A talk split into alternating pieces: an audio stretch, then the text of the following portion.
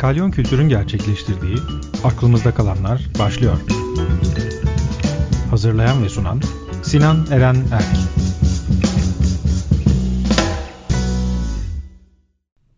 Herkese merhaba, Aklımızda Kalanlar'ın yeni bölümüne hoş geldiniz. Bugün yanımızda konuğumuz küratör Denizhan Özer. Denizhan nasılsın? Çok teşekkürler, iyiyim, bomba gibiyim, her şey yolunda. Ben tabii şimdi küratör Denizhan Özer diye tanıttım başta ama biraz önce de aslında konuştuğumuz şeylerden bir tanesiydi bu. Küratörlük tarafı şu an için biraz daha ön planda olan bir insan olduğu için bunu söyledim ama aslında Denizhan Özer sadece bir küratör değil. Ee, biraz kendini anlatabilir misin bize? Çünkü izleyicilerimiz, dinleyicilerimiz e, her zaman e, konukların neler yaptığını biraz merak da ediyorlar. E, belki biraz senden dinlersek süreci çok daha iyi olur. Biraz uzun olabilir çünkü Neolitik çağdan kalma birisi olduğumuz için. Şimdi e, ben e, 62 doğumluyum, e, Artvin Hopalıyım. E, hayatımın işte ilkokul yılları Ankara'da geçti. Üniversiteyi Bursa'da okudum. 81 yılında Uludağ Üniversitesi Eğitim Fakültesi Resim Bölümünde okudum. Daha sonra o yıllarda devlet tiyatrosunda oyunculuğum vardı. Oyunculuk yaptım sözleşmeli kadroda. Sonra 87'de İngiltere'ye taşındım. Göç ettim bir şekilde. Dört yıl orada Westminster Üniversitesi'nde dil okudum. Daha sonra Amerikan Üniversitesi'nde sanat sosyolojisi üzerine master yaptım. Ee, onun sonrasında gene tutamadım kendimi. Londra Üniversitesi Birkbeck College'de televizyon, sinema, prodüksiyon üzerine okudum. Daha sonra da yeter bu kadar okuma deyip e, hayatın pratiği içinde devam ettim e, çalışmalarıma. 87'den beri aslında İngiltere'de ve aynı zamanda Türkiye'de yaşıyorum. Daha önceleri ağırlıklı olarak Londra'da geçiyordu hayatım. Şimdi ağırlıklı olarak İstanbul'da geçiyor ama çifte vatandaşlığım var. Ee, işte bir yandan orada bir yandan burada koşturmaca içindeyim. Aslında sorarsanız e, neredeyim, ne yapıyorum? Ee, özellikle bu pandemi sürecine kadar dünyanın her yerindeydim diyebilirim. Yani Amazon ormanlarından Gobi çölüne varana kadar dünyanın çok farklı coğrafyalarında çok farklı projeler yaptım. Sanat okuduğum için aslında sanat yapan da birisiyim.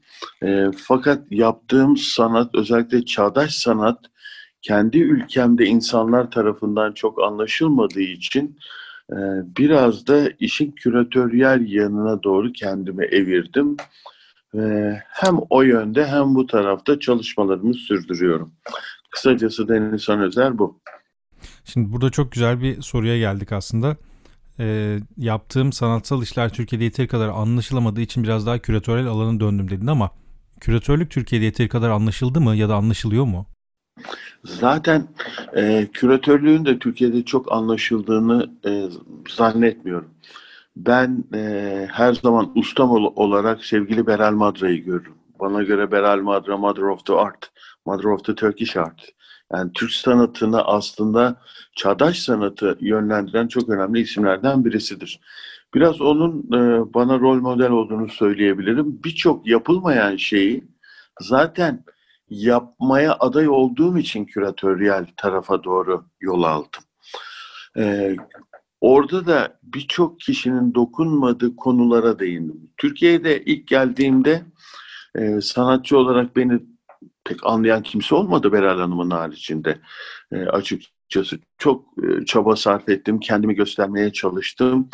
E, bir türlü bu olmadı. Türkiye'de çünkü küratörler bir kadro hareketi olarak çalışıyorlardı. Yani herkes kendine bağlı e, birkaç sanatçısı olan e, küratörler bir takım projelerde her zaman aynı sanatçıları kullanarak yollarına devam ediyorlardı. O yüzden de bu düzenin içinde ben bir farklı yön çizmem gerektiğini düşünerek o noktada biraz işte e, şövalyeliğe so, soyunmuş gibi olduk ve küratöryel çalışmalara da başladım. Zaten benim dönemimde sanat yönetimi diye üniversitelerde bölümler yoktu.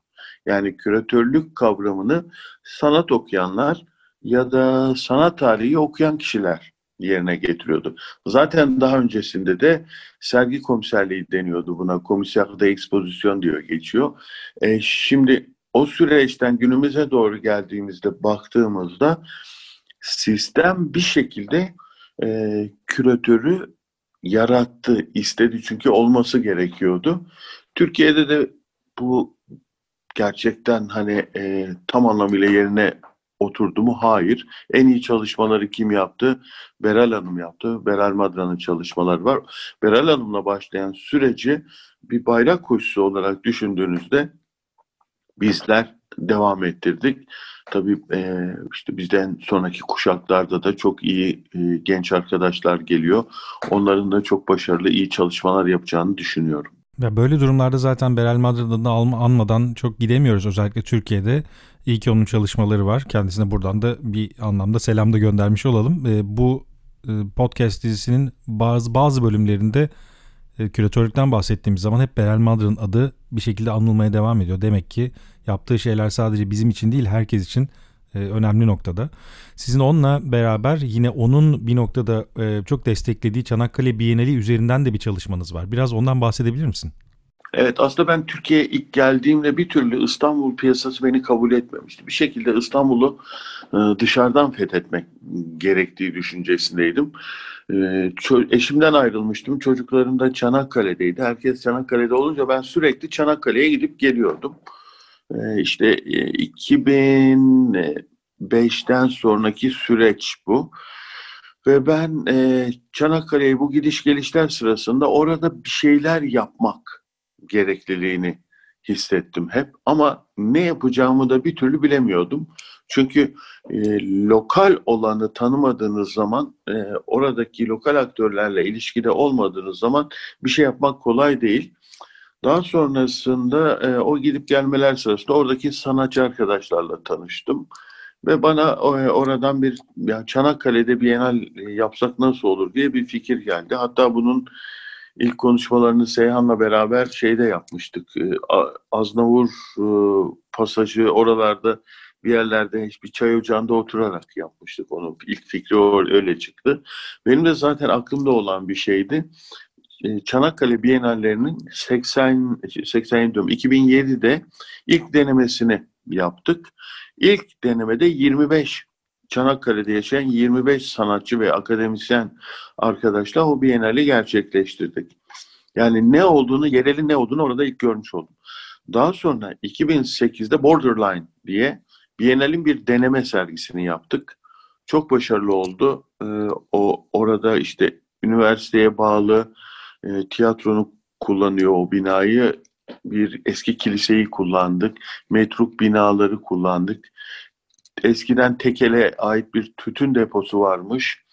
Şimdi Kofman Kütüphanesi oldu. Orayı kullandık. Askeri müzeyi kullandık falan derken o denemelerle falan bir anda Biennale'in yapılabileceği anlaşıldı.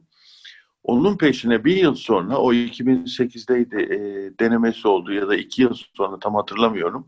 Herhalde iki yıl sonra şey ilk birinci Biennale gerçekleştirdik. Çok zor şart altında gerçekleştirdik o Biennale. Yani resmen işte rulolarla resimler sarılarak getirildi. Bavulların içine bir takım eşyalar taşındı. Ben İstanbul'daki atölyemi sanatçılara açtım. Orada gelenler bazı eserlerini orada ürettiler. İstanbul'dan taşındı. Bazısı orada Çanakkale'de üretti falan. Çok zorlu bir süreçti. Ve o süreçte de Biennale'nin şehre gerçekten artı bir katma değerinin olduğunu gördük.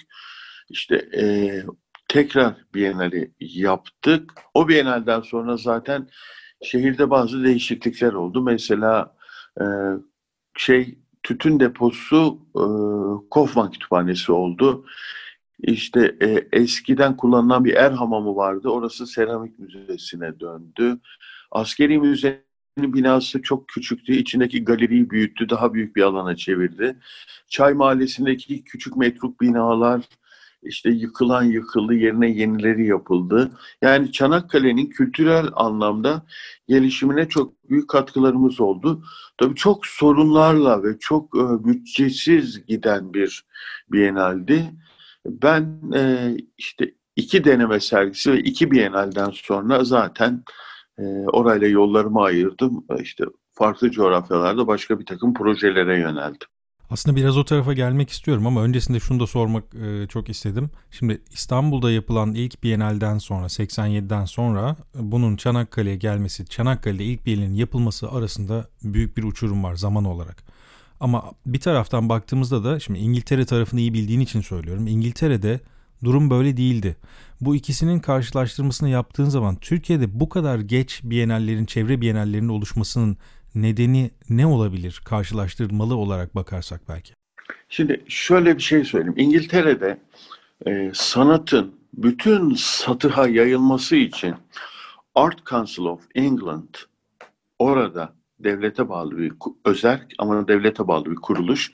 Sanatın yayılması için bir grant sistemi var. O grant sistemiyle ülkenin her tarafındaki sanatı, sanatçıyı, sanat kurumunu, sanat eğitimi veren yerleri sürekli olarak destekliyor. Peki bu para nereden geliyor? Eskiden devlet direkt buna para aktarırken daha sonra e, National Lotto'dan e, alınan paranın yüzde otuzu bu tarafa sanata sanatı desteklemeye kaydı. Doğal olarak Art Council'ın ülke genelinde yaptığı bir takım projelerle tamamen merkez dışında sanatı yaymaya çalıştı. Sanatçılar bir takım projeler yaptı. Yapılan o projelerden beğenilenlere paralar verildi. Fakat hiçbir zaman bu paralar çarçur edilmedi. Ve bunu yaparken de equal opportunities dediğimiz fırsat eşitliğini bir şekilde gerçekleştiriyorlardı. Yani işte ben Türk asıllıyım, öbürki Hindistanlı, beriki Çinli, onlara para yok, sadece İngilizlere var diye bir sistem içinde bulunmadılar. O ülkede kim varsa, o ülkenin kültür hayatına, sanat hayatına kim katkıda bulunuyorsa ya da o ülkenin sanat ekonomisine kim katkıda bulunuyorsa onların hepsine e, Art Council England tarafından desteklendi. Bunlar daha sonra gelişti. Match funding dediğimiz birbiriyle bağlantılı ilişkiler vesaire kurularak ilerledi. Mesela şu kayda geçsin isterim. Ben bir e, sanat projesi e, yapmak istedim orada. Acaba bu projeyi nasıl geliştiririm, nasıl yaparım falan derken bana dediler ki Art Council England'a başvur. Peki dedim ben de. Art Council England'a başvurdum. Gittim o başvuruda beni Peter Cross isminde e, o dönem orada visual art'ın başında olan e, bir bey karşıladı. Söyledim derdimi anlattım. Çok e, iyi, hoş bir insandı. Dinledi beni. Ben ama hala kafamda çelişkiler var. 5000 pound mu alsam, 10 bin pound mu alsam falan diye. Peter Cross bana dedi ki bütçe konusunda rahat ol. Ne istiyorsan dedi bunları dedi yaz. Çiz, al bu formu doldur. Haftaya perşembe günü gel. Gene ama beni göreceksin. Ben doldurdum, yazdım. Çok heyecanlıyım. Bir hafta sonra Perşembe günü gene e, gittim. E, işte Farrington Road o taraftaki Art Council'ın binasına gittim. İşte Peter Cross'ta randevum olduğunu söyledim. Gittim Peter Cross aşağı indi. Hoş geldin, beş geldiğinden sonra baktı forma inceledi. Dedi ki biz buna, buna dedi para vermeyiz dedi. Ben hemen bir tepki gösterdim orada. Niye dedim ben Türk'üm diye mi dedim bana dedim bu parayı vermiyorsunuz. Herkes alıyor. Niye dedim. Adam güldü lütfen dedi böyle tepkisel bakma meseleye. Sen dedi burada dedi bu form içinde sanatçıların paralarını dedi yazmamışsın. Sanatçılar dedi nasıl yaşayacaklar? O yüzden dedi sana ben bir form daha veriyorum. Lütfen git sanatçıların paralarını da bütçeye ekle. Ben anlayamadım önce. Allah Allah dedim ya ben hani 5-10 bin alır mıyım derken bir anda bütçe yükselmeye başladı. Bir daha doldurdum. Bir hafta sonra Perşembe gene gittim Peter Cross'la görüşmeye. Baktı. Gene güldü. Dedi ki gene dedi böyle dedi bozuk çalma ama dedi bu form gene olmamış dedi. Biz dedi sana gene para veremeyiz. Niye dedim. Sen dedi garsonluk yaparak mı dedi bu projeyi yapacaksın. Küratör olarak kendi paranı yazmamışsın. Bir de dedi bunun dedi tanıtım bütçesi koymamışsın. Git dedi yeni bir form daha verdi. Bunu da dedi doldur getir. Bir yandan adam beni aslında eğitiyordu orada. Sonra ben bir hafta sonra tekrar gene bir heyecanla formu doldurdum. Kendi paramı ekledim. Tanıtım bütçesini ekledim. Ben 5-10 bin pound alır mıyım derken bütçe 32 bin pound'a çıktı. Gittim. Peter Cross baktı. E, her şey dedi çok güzel. Ama what about education? Eğitimden ne haber dedi. Hakikaten eğitimle ilgili bölümü bir şey koymamıştım. Sen dedi aynı zamanda sanat eğitimi almış, okumuş birisisin. Bir de buna dedi bir e, gelecek kuşakları düşünmemiz lazım. Bir sanat eğitimiyle ilgili bir bölüm daha ekle. Tekrar bir form verdi. Ben doldurdum. Formu içine sanat eğitimiyle ilgili bölümü de ekledim. 40 bin pound da yükseldi bütçe ve o 40 bin poundluk bütçe kabul edildi. Daha sonra yaptığımız proje çok beğenildi. İçine yeni bir eğitim programı daha eklendi. 20 bin poundluk. Business and Art Scheme diye bir e, proje. Yani iş adamlarıyla sanatçıları buluşan bir ek match funding vardı. O eklendi. Sonuçta ben adamlardan 5 ya da 10 bin pound alabilir miyim diye bir sanat projesi, bir sergi için düşünürken onlar bunu büyüttüler, büyüttüler. Bana 60 bin pound verdiler. Şimdi rahmetli oldu. Peter Cross'la bir gün e, bir pub'da oturup konuşuyorduk. Ona dedim ki ya ben sizden 5 ya da 10 bin pound alabilir miyim diye düşünürken siz bana 60 bin pound para verdiniz. Peter Cross'un cümlesi benim hayatımın cümlesi oldu. Bizim çöpe atacak 10 bin poundumuz yok ama iyi kullanılacak 60 bin poundumuz ya da 600 bin poundumuz var dedi. Aslında buradaki mantık tamamen niteliğin peşinde olduklarının göstergesi. Yani İngilizler oradaki kurdukları sistemle niteliği ön plana alarak sanatı her kesme en iyi şekilde yaymak için ellerinde gerekli bütçe para olduğunu ve bunu en iyi şekilde yapılabileceğini göstermek için gerekli her türlü çabayı sarf ediyorlar. Şimdi aynı mantığı gelelim Türkiye üzerinden düşünelim. Türkiye'de ben Kültür Bakanlığı'na da bir takım e, projeler verdim. Yani e, inanın büyük bir çoğunluğuna cevap bile gelmedi. Yani teşekkür ederiz paramız yok ya da ilgilenmiyoruz ya da projeniz şöyle böyle diye cevap bile gelmedi. Aslında devlet geleneğinde bir cevap verme vardır, gerekir. Atatürk'ten ele alın. Atatürk kendisine bir küçük bir çocuğun yazdığı mektuba bile cevap veren bir devlet adamıydı. Aslında Atatürk'ün mantığından yola çıkarsak Atatürk sanatı bütün satıha yayma çabası içindeydi. Mesela e, Cumhuriyet'in ilk yıllarında ülkenin halini, vaktini, durumunu anlamak için vilayet ressamları diye bir kavram yarattı. Yani 67 vilayetimiz vardı o, o zaman. Ressamları bütün yurda göndererek yurdun ruh halini, e, haleti ruhiyesi eskilerinin deyimiyle anlamaya çalıştım avukat göndermedi, iktisatçı göndermedi, ekonomist göndermedi, doktor göndermedi, sanatçı gönderdi. Çünkü sanatçılar kendi bulundukları çevrelerin ruh hallerini, içinde bulundukları durumu en iyi anlayan kişilerdir. Ve Atatürk bunu bilerek gönderdi. O mantık devam etseydi bugün Türkiye'de kültür ve sanat hayatında daha iyi bir noktaya gitmiş olacaktık. Çünkü sanatın gelişimi için aslında üç ayağa ihtiyaç var. Bunlardan bir tanesi devlet, bir tanesi yerel yönetimler, diğeri de özel sektör.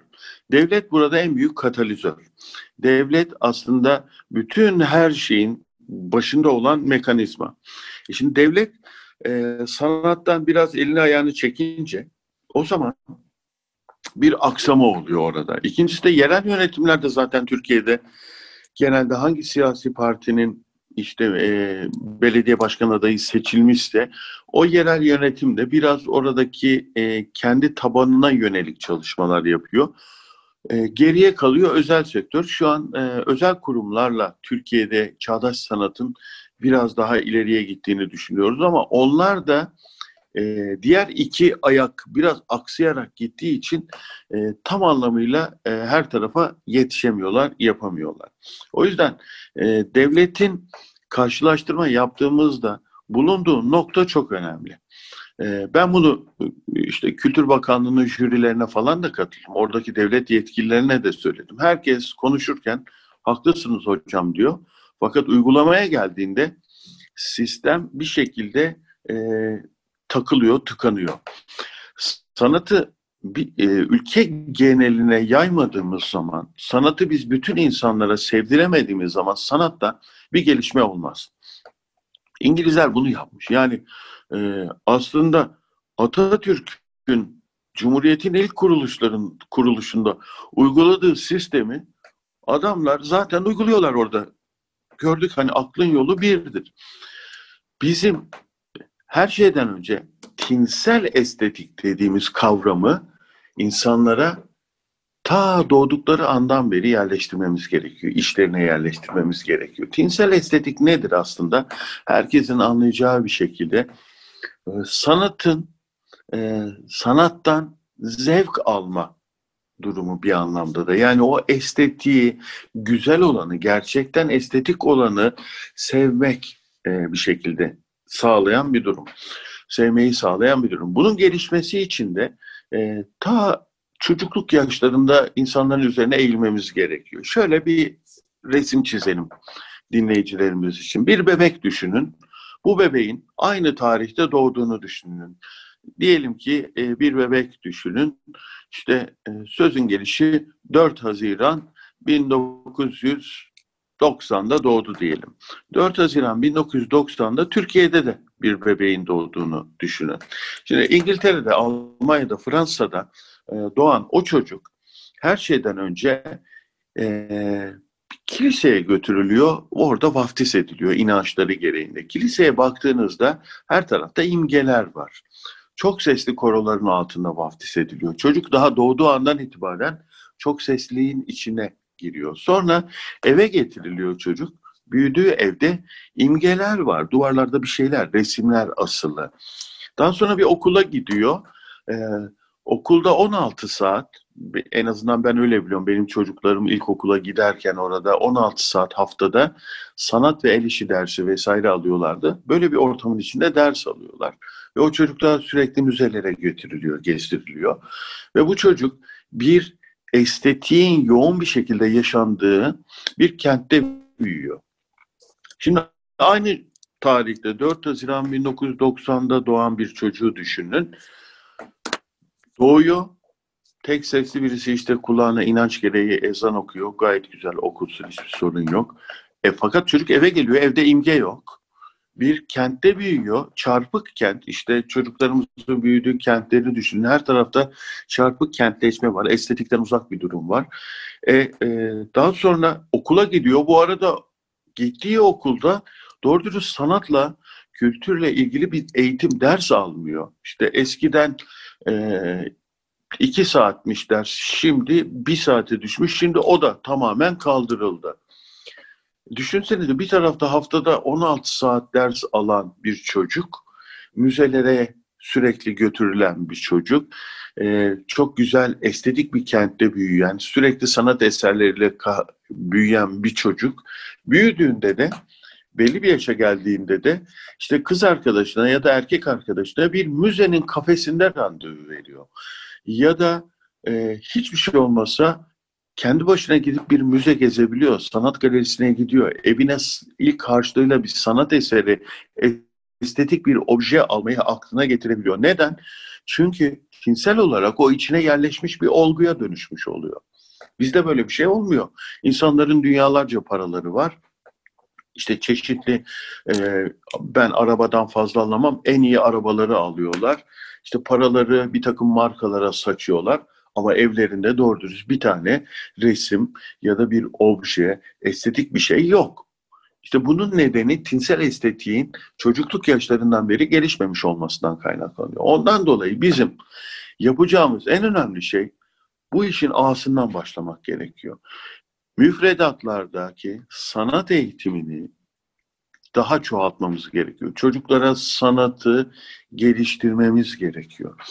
Eğer çocuklardaki o sanata olan istemi geliştirmezsek bir şekilde ilerleyemeyiz, bir yere varamayız. O yüzden de bizde kültür sanat demiyorum bakıyorum. Bakın sanat kültürü diyorum. Sanat kültürü dediğimiz kavram yerleşmemiş durumda. Yani sanat kültürü demek insanların tiyatro, sinema, e, müzeye gitme alışkanlıkları, ondan zevk alarak onu çevrelerine tanıtma, anlatma dertlerinde olmamaları, bir takım e, sanatla ilgili e, yayınları okumamaları, yani sanatla ilgili hiçbir şey genelde baktığınızda yapılmıyor. İşte televizyonlardaki boş bir takım programların takipçisi oluyorlar. Ya da işte Ona da saygı duyuyorum. Bir maç kültürü var. Ee, o arena kültürünün devamı olan maç seyircisi hura onun peşine koşturuyorlar falan. O baktığımızda estetikle ilgili, sanatsal alanla ilgili, kültürle ilgili o sanat kültürünün yerleşmediğini görüyorsunuz. Hepsi buna bağlı. O yüzden de en baştan itibaren bizim çocuklara sanatı sevdirmemiz, sanatı sevmeleri için onlara bir takım projeler, bir takım çalışmalar yapmamız lazım. Onu dediğimiz zaman o zaman insanların ağzından şu cümleyi duymayacağız. Ben sanattan anlamam.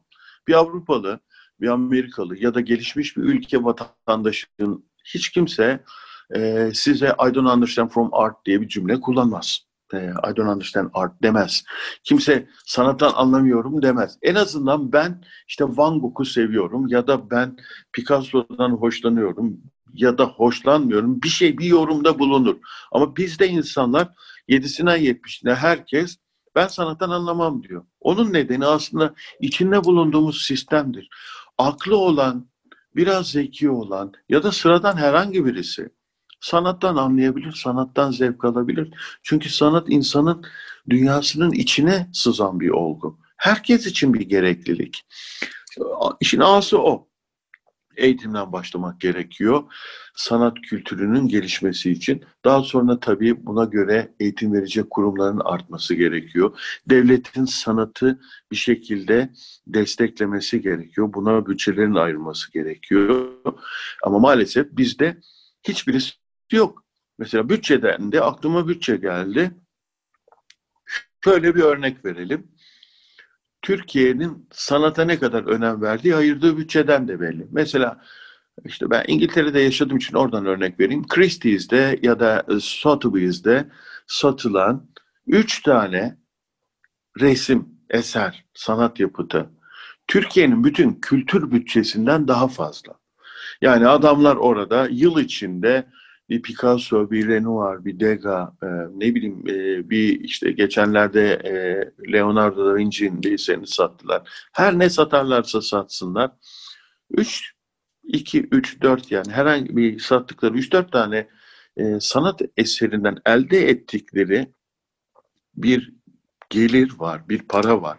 O bizim Türkiye'nin bütün kültür bütçesinden daha fazla. Bunun içine işte tiyatro, sinema, e, işte galeriler, müzeler, aklınızda işte Kültür Bakanlığı memurlarının maaşları, bakanlıkta yanan ampuller, elektrik masrafı, aklınıza ne geliyorsa sanat ve kültür hayatındaki bütün herkesin kazandığı ya da harcanan paranın tamamını koyun.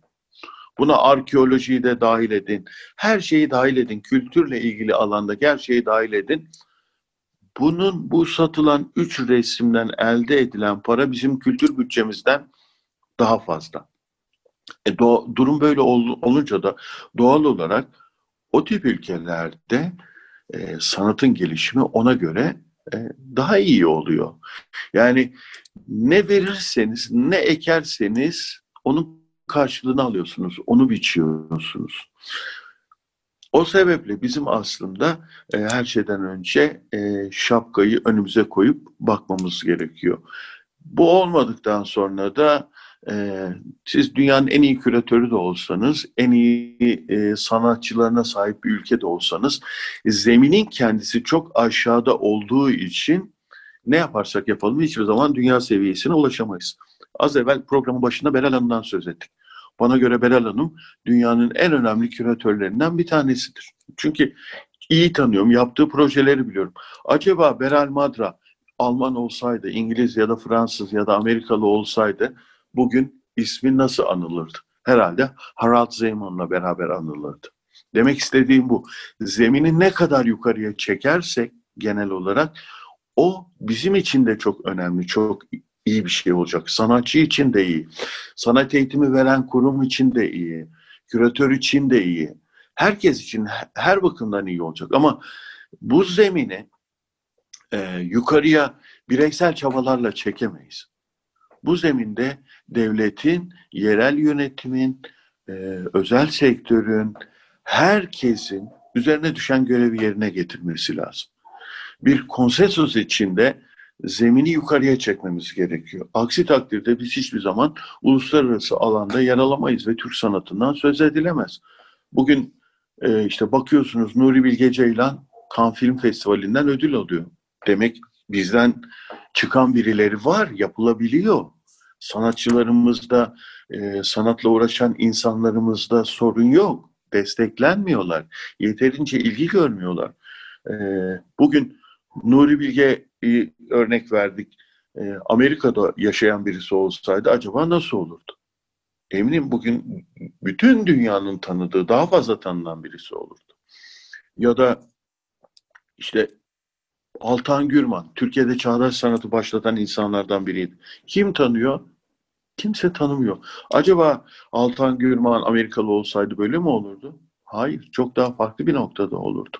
Yani bunun gibi o kadar çok örnek verebiliriz ki çoğaltabiliriz. O yüzden de e, e, bizlerin yaptığı çalışmalar hep bireysel boyutta kalıyor. İşte ben e, dünyanın dört bir tarafında projeler yapıyorum.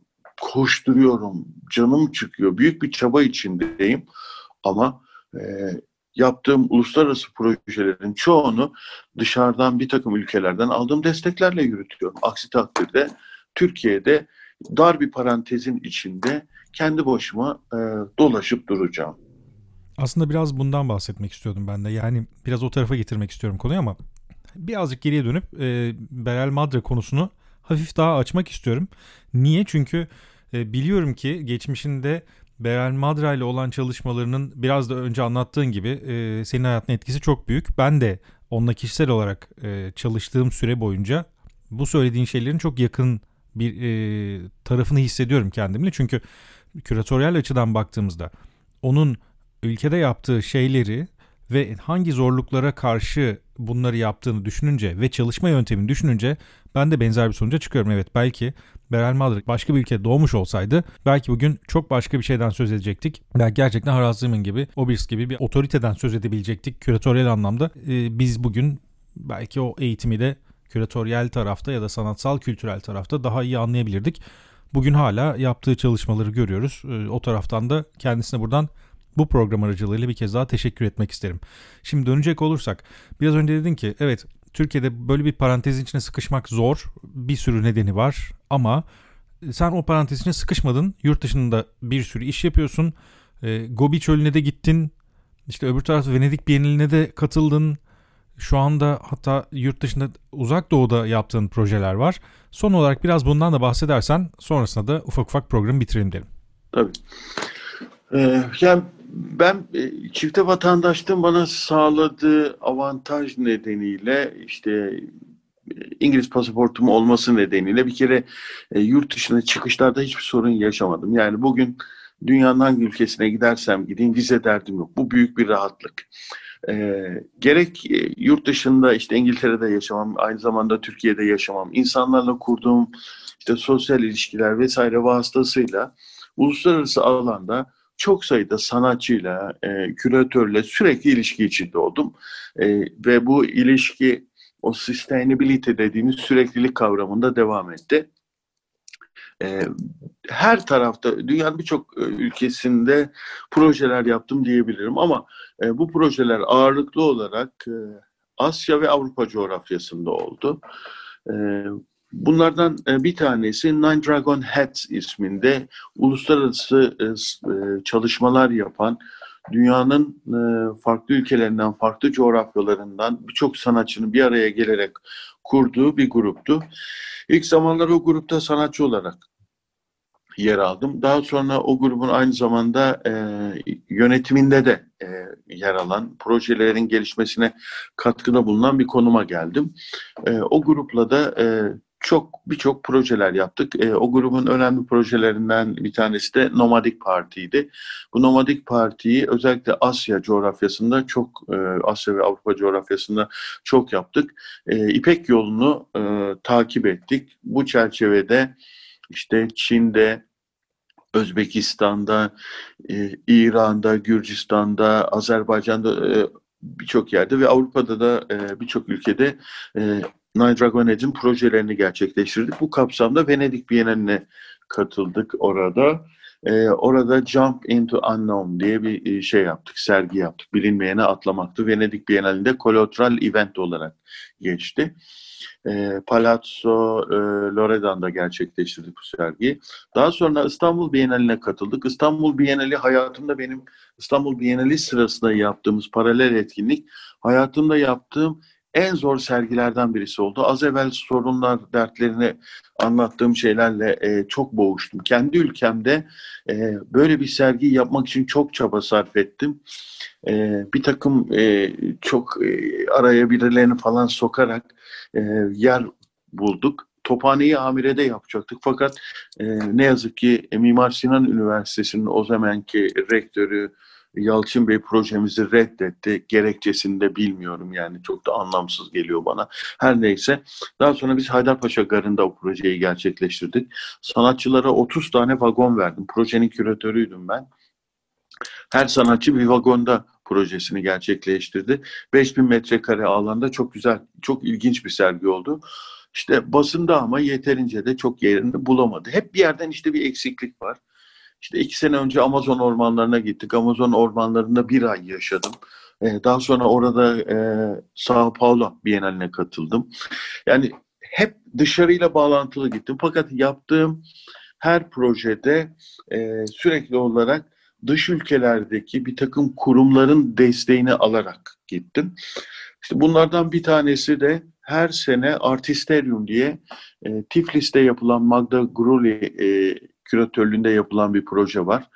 E, ben de e, Magda'yla e, work partner olarak çalışıyorum. Ortak e, yapıyoruz. Yani İstanbul'da bir işi olduğunda Magda adına ben takip ediyorum. O da beni Türk sanatını temsilen Tiflis'teki yaptığı Artisterium'a çağırıyor. Her sene Artisterium'a Türkiye'den bir takım sanatçıları götürüyoruz. İlk defa geçen sene e, Ceren Hanım'a da selam olsun. Oradaki büyükelçimiz bu projeyi destekledi ve oraya götürdüğümüz işte altı sanatçının sergisinin açılışına geldi, katıldı. Onların e, yanı sıra düzenli olarak e, Sarajevo Winter Festivalleri var. E, İbrahim için yaptığı e, hemen hemen her sene Saraybosna'da yapılan kış festivalleri var. Önceleri çok daha önemliydi. Zaman içinde o önemini kaybetti ama biz gene Saraybosna ile Bosna Hersek'te olan o kardeşçe ilişkileri devam ettirmek için oralara bir şeyler götürüyoruz. Şu anda İsviçre'de, Hollanda'da, e, Tiflis'te, Gürcistan'da ve Güney Kore'de, e, Jeju Adası'nda ve Seul'de bir video art projesinde işlerim devam ediyor. E, onun dışında küratörlüğünü yaptığım bir sergi var. E, benim önemsediğim bir sergi. Yaklaşık 30 sanatçı arkadaşımın yer aldığı bir proje. Şaman İzleri diye. Şaman kültürüne ait etno çağdaş bir sergi yaptık. Yani etnografik özelliği olan aynı zamanda da çağdaş sanat işlerini barındıran, konteyn eden bir sergi. O da Kuru Çeşme'de, hamamda gerçekleşiyor. Onların yanı sıra çevreyle ilgili projeler yaptım. Gergedanlar şehre geri dönüyor diye bir proje yaptım. Ee, o proje yeni bitti. Her yaz Karadeniz'de, Hopa'da, Arhavi'de, Fındıklı'da, kendi coğrafyamda e, Gola diye oranın bir çevre, kültür ve sanat derneği var. Onlarla beraber land art projeleri yapıyorum. Şimdi de en son olarak İAF Sanat Fuarı var. İstanbul Sanat ve Antika Fuarı'nın artistik direktörü oldum. Ee, İAF'ın e, işte projelerini, o içinde neler yapılacağını A'dan Z'ye e, karar veriyorum. Onu yönetime sunuyorum. Onunla ilgili gelişmeleri takip ediyorum. İAF'la beraber e, işte İAF bu sene e, gene şey Lütfü Kırdar'ın olduğu yerde olacak İstanbul Kongre Merkezi'nde olacak. 19 Mayıs'ta açılışı var.